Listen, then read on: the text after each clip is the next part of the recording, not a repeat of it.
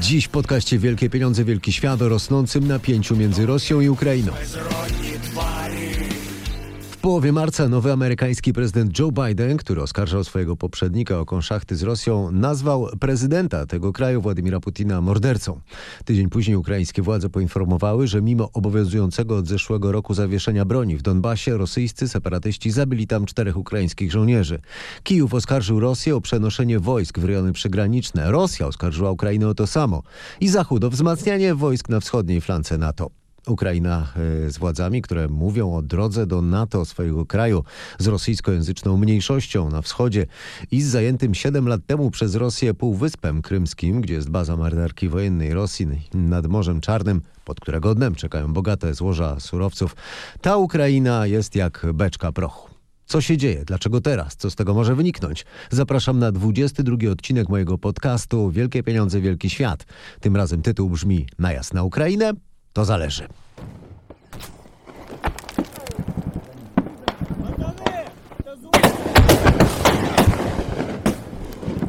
W ostatni wtorek prezydent Ukrainy zaprosił ekipę amerykańskiej telewizji CNN, by towarzyszyła mu w wyprawie na wschód. Materiał pokazał Wołodymira Zełenskiego w kamizelce kuloodpornej i w hełmie, jak wizytuje okopy oddalone o kilkadziesiąt metrów od pozycji prorosyjskich e, separatystów.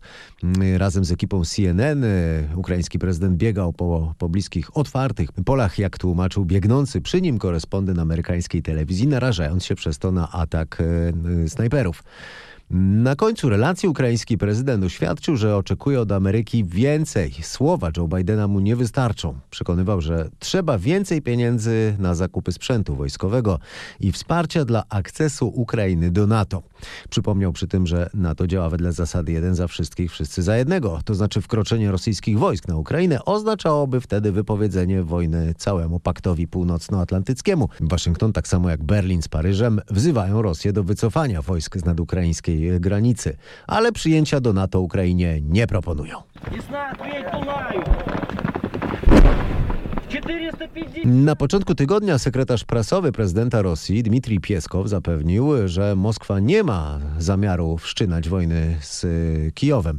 Zastrzegł jednak, że Rosja nie zamierza też pozostać obojętna na los rosyjskojęzycznej społeczności wschodniej Ukrainy, czyli wspomnianego Donbasu, bo według Kremla władze Ukrainy przymierzają się tam do ofensywy i przez to może tam znów rozgorzeć e, tląca się od lat e, wojna domowa. Kreml jasno też oświadczył, że państwom zachodnim nic do tego, gdzie przemieszczają się wojska wewnątrz terytorium Rosji.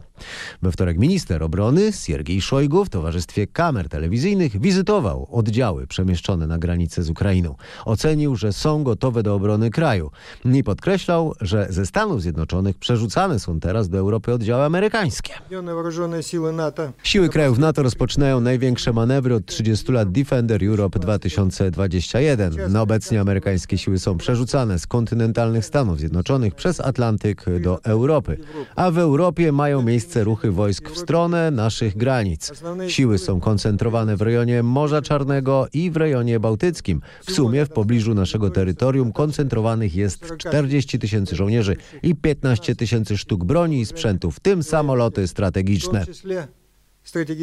Zeszłoroczne manewry Defender Europe 2020 odbywały się w dużej części na poligonach w Polsce. W tym roku zaplanowano ćwiczenia na ponad 30 poligonach i główny nacisk rzeczywiście to Rumunia i Bułgaria, więc Morze Czarne oraz kraje bałtyckie. I faktycznie trwa przerzut amerykańskich wojsk do Europy. Ich transport i przerzucanie na wschód w stronę tych poligonów to główny obok wspólnych ćwiczeń z Europejczykami cel tych manewrów Defender Europe 2020 21. Y, z Polski y, ma w nich wziąć udział pół tysiąca żołnierzy.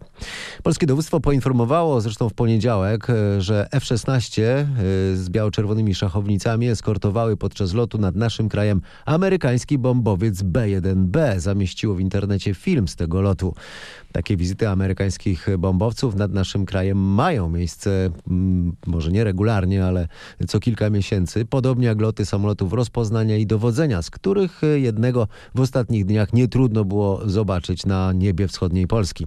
Warto wspomnieć, że we wtorek białoruskie Ministerstwo Obrony wezwało na dywanik atasze wojskowego polskiej ambasady w Mińsku, żądając odpowiedzi na pytanie, jaki statek powietrzny naruszył w poniedziałek wieczorem białoruską granicę, nadlatując od strony Polski. Polskie Ministerstwo Obrony zapewniło, że żadne wojskowe statki powietrzne w poniedziałkowy wieczór nie znajdowały się w pobliżu granicy.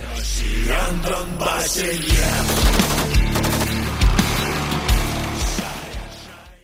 States stands firmly uh, uh, Stany Zjednoczone zdecydowanie stoją na straży suwerenności i integralności terytorialnej Ukrainy. To zapewnienie ma wartość szczególną w czasie, gdy obserwujemy niestety bardzo prowokacyjne działania ze strony Rosji wobec Ukrainy w postaci największej od 2014 roku koncentracji rosyjskich wojsk u ukraińskich granic.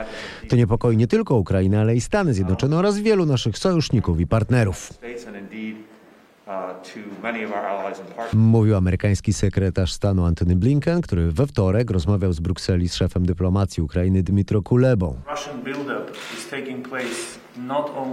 Koncentracja wojsk rosyjskich dokonuje się nie tylko u granic Ukrainy, ale u granic demokratycznego świata. Tysiąc kilometrów na północ i tysiące na wschód, nie ma tam demokracji. Tu mamy zatem do czynienia ze starciem demokracji i autokracji. Wsparcie w tej walce ze strony Stanów Zjednoczonych jest dla nas zatem absolutnie kluczowe i bardzo cenne. Mówił minister spraw zagranicznych Ukrainy, dodając po rozmowie z szefem dyplomacji największego mocarstwa świata, że Rosja musi wiedzieć, że cena za ewentualną agresję przeciwko Ukrainie byłaby dla niej zbyt duża do uniesienia.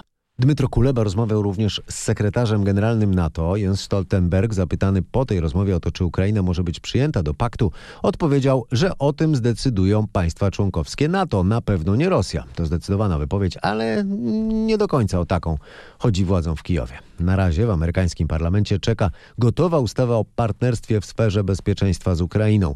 Napisano w niej m.in., że Ukraina jest szańcem broniącym Europy przed szkodliwymi wpływami Rosji i jako taka jest o ogromnym znaczeniu dla Stanów Zjednoczonych. W związku z tym od przyszłego roku USA miałyby przekazywać Ukrainie co roku 300 milionów dolarów e, na uzbrojenie. Czy większe, rosnące poparcie dla Ukrainy oznacza zaostrzenie kursu Stanów Zjednoczonych wobec Rosji? Trudno teraz nie przypomnieć wypowiedzi amerykańskiego prezydenta sprzed miesiąca. Podczas wywiadu e, dziennikarz telewizji ABC zapytał Joe Bidena o Władimira Putina. Uważasz, że on jest zabójcą? I do. So what price must Jaką cenę zapłaci? The price he's going to pay, well, Cenę, you'll którą see zapłaci, zobaczycie niedługo, odparł Joe Biden. A Władimir Putin zareagował na to jak na niego umiarkowanie. Wspomniał, że kiedy był mały, to gdy na podwórku dochodziło e, do kłótni, to mawiało się, kto się przezywa, a sam się tak nazywa. Nie minął miesiąc i we wtorek Joe Biden zadzwonił do Władimira Putina, by rozmawiać o deeskalacji e, napięcia i zaproponował negocjacje w jakimś kraju trzecim. Mowa jest o Austrii. Raczej nie będą to Niemcy, wbrew planom Donalda Trumpa, który zapowiadał wycofanie jednej trzeciej z 36 tysięcy amerykańskich żołnierzy stacjonujących w Niemczech. Pamiętacie być może, że była nawet mowa o przesunięciu tych wojskowych do Polski. Wbrew tym planom w mijającym tygodniu sekretarz obrony Stanów Zjednoczonych Lloyd Austin zapowiedział, że oddziały w Niemczech zostają i wskazał przy tym na działania Rosji. Zapowiedział nawet lekkie wzmocnienie kontyngentu Stanów Zjednoczonych w Niemczech. I kolejny krok w czwartek Biały Dom nałożył zapowiadane e, przez Joe Bidena w pewnym sensie podczas e, tego wywiadu telewizyjnego sankcje na Rosję. Najbardziej dotkliwa dotyczy zakazu zakupu rosyjskich obligacji rządowych przez amerykańskie banki. No to oznacza pewne utrudnienie w finansowaniu działania rosyjskiego państwa i być może podniesienie stóp procentowych, co mm, uderzy y, rosyjską gospodarkę. Warto jednak zauważyć, że dług publiczny w Rosji w porównaniu z Zachodem, nawet z Polską, o krajach południa Europy czy samych Stanach Zjednoczonych nie wspominając, jest na niskim poziomie kilkunastu zaledwie procent PKB. Poza tym sankcje objęły wydalenie 10 rosyjskich dyplomatów i wciągnięcie na czarną listę kilku rosyjskich firm. Mm, Te sankcje nie miały jednak e, wiele wspólnego z Ukrainą, przynajmniej nie był to ich główny powód. To miała być głównie kara za mieszanie się Rosjan w amerykańskie wybory. Joe Biden mówił Rosji 6 minut, nałożył sankcje, no ale jak słyszeliście jednocześnie zaproponował współpracę.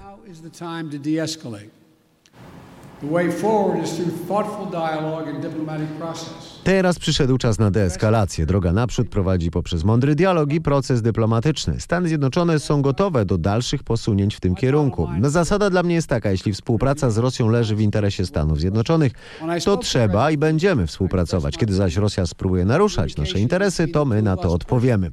Podczas rozmowy z prezydentem Putinem wyraziłem przekonanie, że komunikacja między nami dwoma osobista, bezpośrednia jest podstawą dla postępów efektywnych relacji. Zgodził się ze mną. W tym celu zaproponowałem, byśmy spotkali się osobiście latem w Europie na szczycie poświęconym szeregowi problemów, przed którymi stoją nasze kraje. Rozmawiają już o tym powołane do tego zespoły. To spotkanie, o ile do niego dojdzie, a wierzę, że dojdzie, może posłużyć do rozpoczęcia dialogu dotyczącego strategicznej stabilności, wspierającej współpracę przy kontroli zbrojeń i przy bezpieczeństwie. Tak mówił Joe Biden. A Rosja odpowiedziała w piątek wydaleniem również 10 dyplomatów i zapowiedzią usunięcia niektórych działających w Rosji funduszy i organizacji pozarządowych. Szef rosyjskiej dyplomacji szczerze przyznał, że w gospodarczym wymiarze Rosja niewiele może zaszkodzić Ameryce, ale zapowiedział też kroki, które okażą się być bolesne dla amerykańskiego biznesu w jego kraju. Siergiej Ławrow dodał, że Kreml dopiero się zastanawia, czy dojdzie do rozmów Biden-Putin. Mm, Podkreślił, że Moskwa mm, też nie ma ochoty na dalsze zaostrzanie stosunków ze Stanami Zjednoczonymi. Oświadczył, że ośmiu byłych i amerykańskich obecnych urzędników państwowych, których y, Moskwa uznała za odpowiedzialnych za jątrzenie, psucie stosunków Moskwa-Waszyngton, zostaną oni objęci zakazem wjazdu na rosyjskie terytorium. Trzeba dodać jeszcze, że Polska od razu poszła w, w ślady Stanów Zjednoczonych, usuwając trzech e, rosyjskich dyplomatów. A MSZ w Warszawie wcale tej ochoty na szybkie wspieranie Amerykanów nie ukrywa. Podkreśla wręcz, że to był gest poparcia dla tych amerykańskich e, sankcji przeciwko Rosji. Rosja w odpowiedzi zapowiedziała rzecz jasna wydalenie polskich dyplomatów.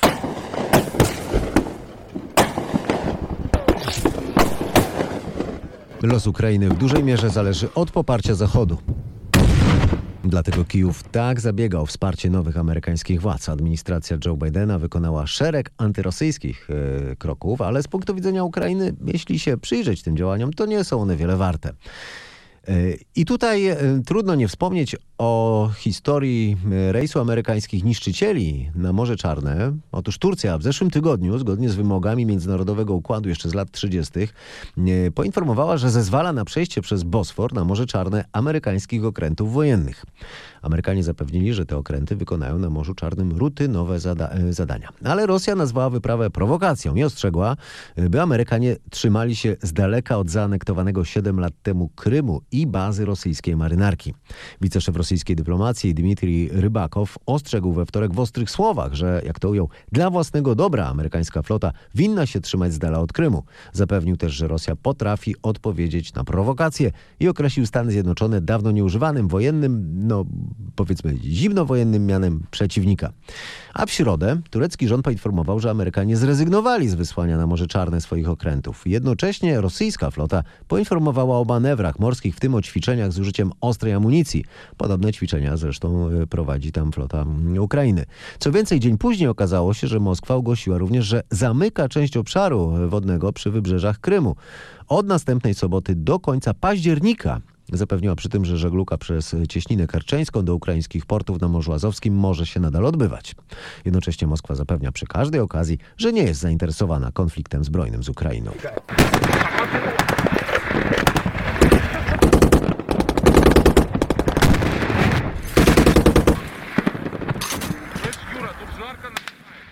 Rosyjskie media oskarżają ukraińskie i zachodnie o histerię. Wytykają im, że nie wspominają one o wojskach ukraińskich, również skierowanych na wschód y, kraju, y, jak twierdzą wcześniej. Wiceminister spraw zagranicznych Rosji Andrii Rudenko y, oświadczył, że mówienie o możliwej wojnie Rosji z Ukrainą to fake rozpowszechniany przez ukraińskie władze. Rzecznik Pentagonu John Kirby mm, zauważa, że doświadczenie uczy, iż nie należy w tej kwestii do końca wierzyć Rosjanom. I tu znamienna informacja. Ukraińskie media informują, powołując się na zarządzenia samorządów w rosyjskich miastach, że lokalne władze wydają tam polecenia wprowadzenia nadzwyczajnych regulacji dotyczących pochówku żołnierzy. A Rosjanie oświadczają, że koncentracja wojsk jest odpowiedzią na wspomniane natowskie manewry Defender Europe, że do końca kwietnia skończy się przerzucanie oddziałów, a w maju odbędą się ćwiczenia, które potrwają trzy tygodnie i się skończą.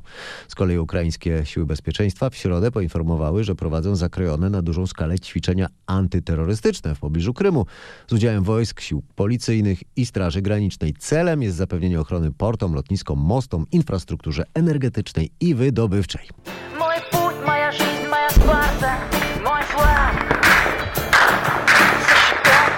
Jak jest naprawdę? Pewnie wiele dałaby odpowiedź na pytanie, jak liczne są rosyjskie oddziały kierowane na granicę z Ukrainą i jakie zajmują tam pozycje. Taka wiedza pozwoliłaby ocenić, czy to prowokacja Kijowa, fake, czy też Rosja podchodzi do sprawy poważnie, czy planuje agresję, czy obawia się raczej takowej. A może chce tylko pokazać Ukrainie, że do NATO długa droga i że jest na łasce Zachodu, który niekoniecznie zrobi cokolwiek oprócz wygłaszania oświadczeń i wysyłania niedoszłego dwóch okrętów na Morze Czarne. A przy okazji y, może Moskwa pokazać chce Zachodowi, że jest zdeterminowana, by ten nie rozszerzał już dalej swoich wpływów na wschód.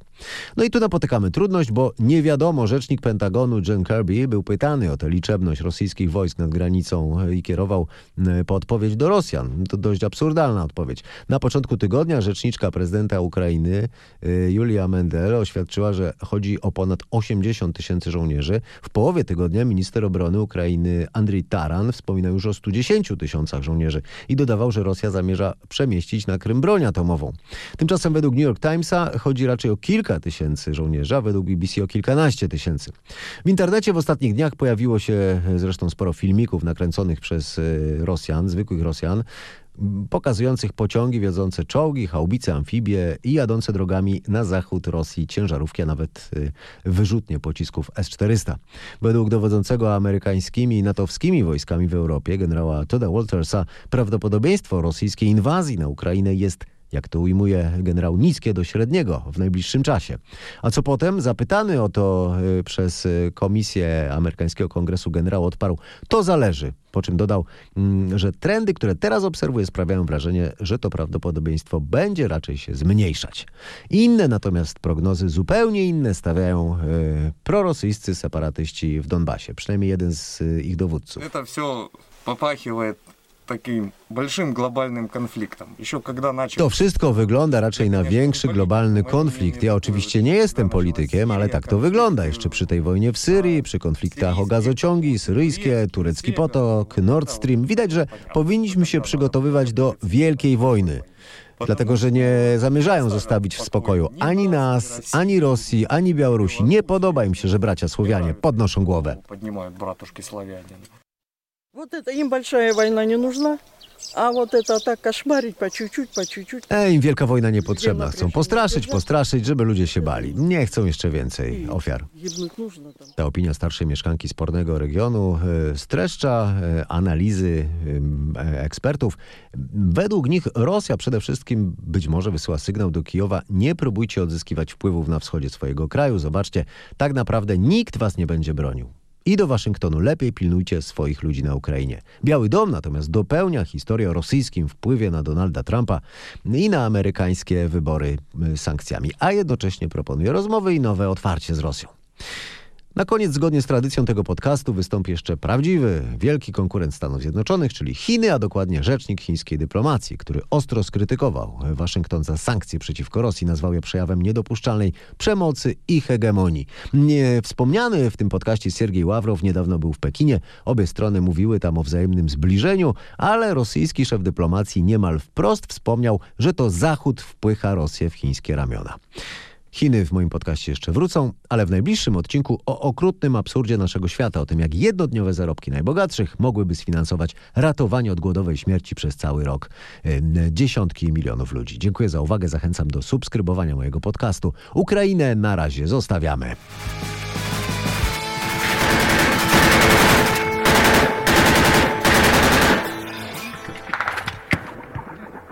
Будут выносить 300.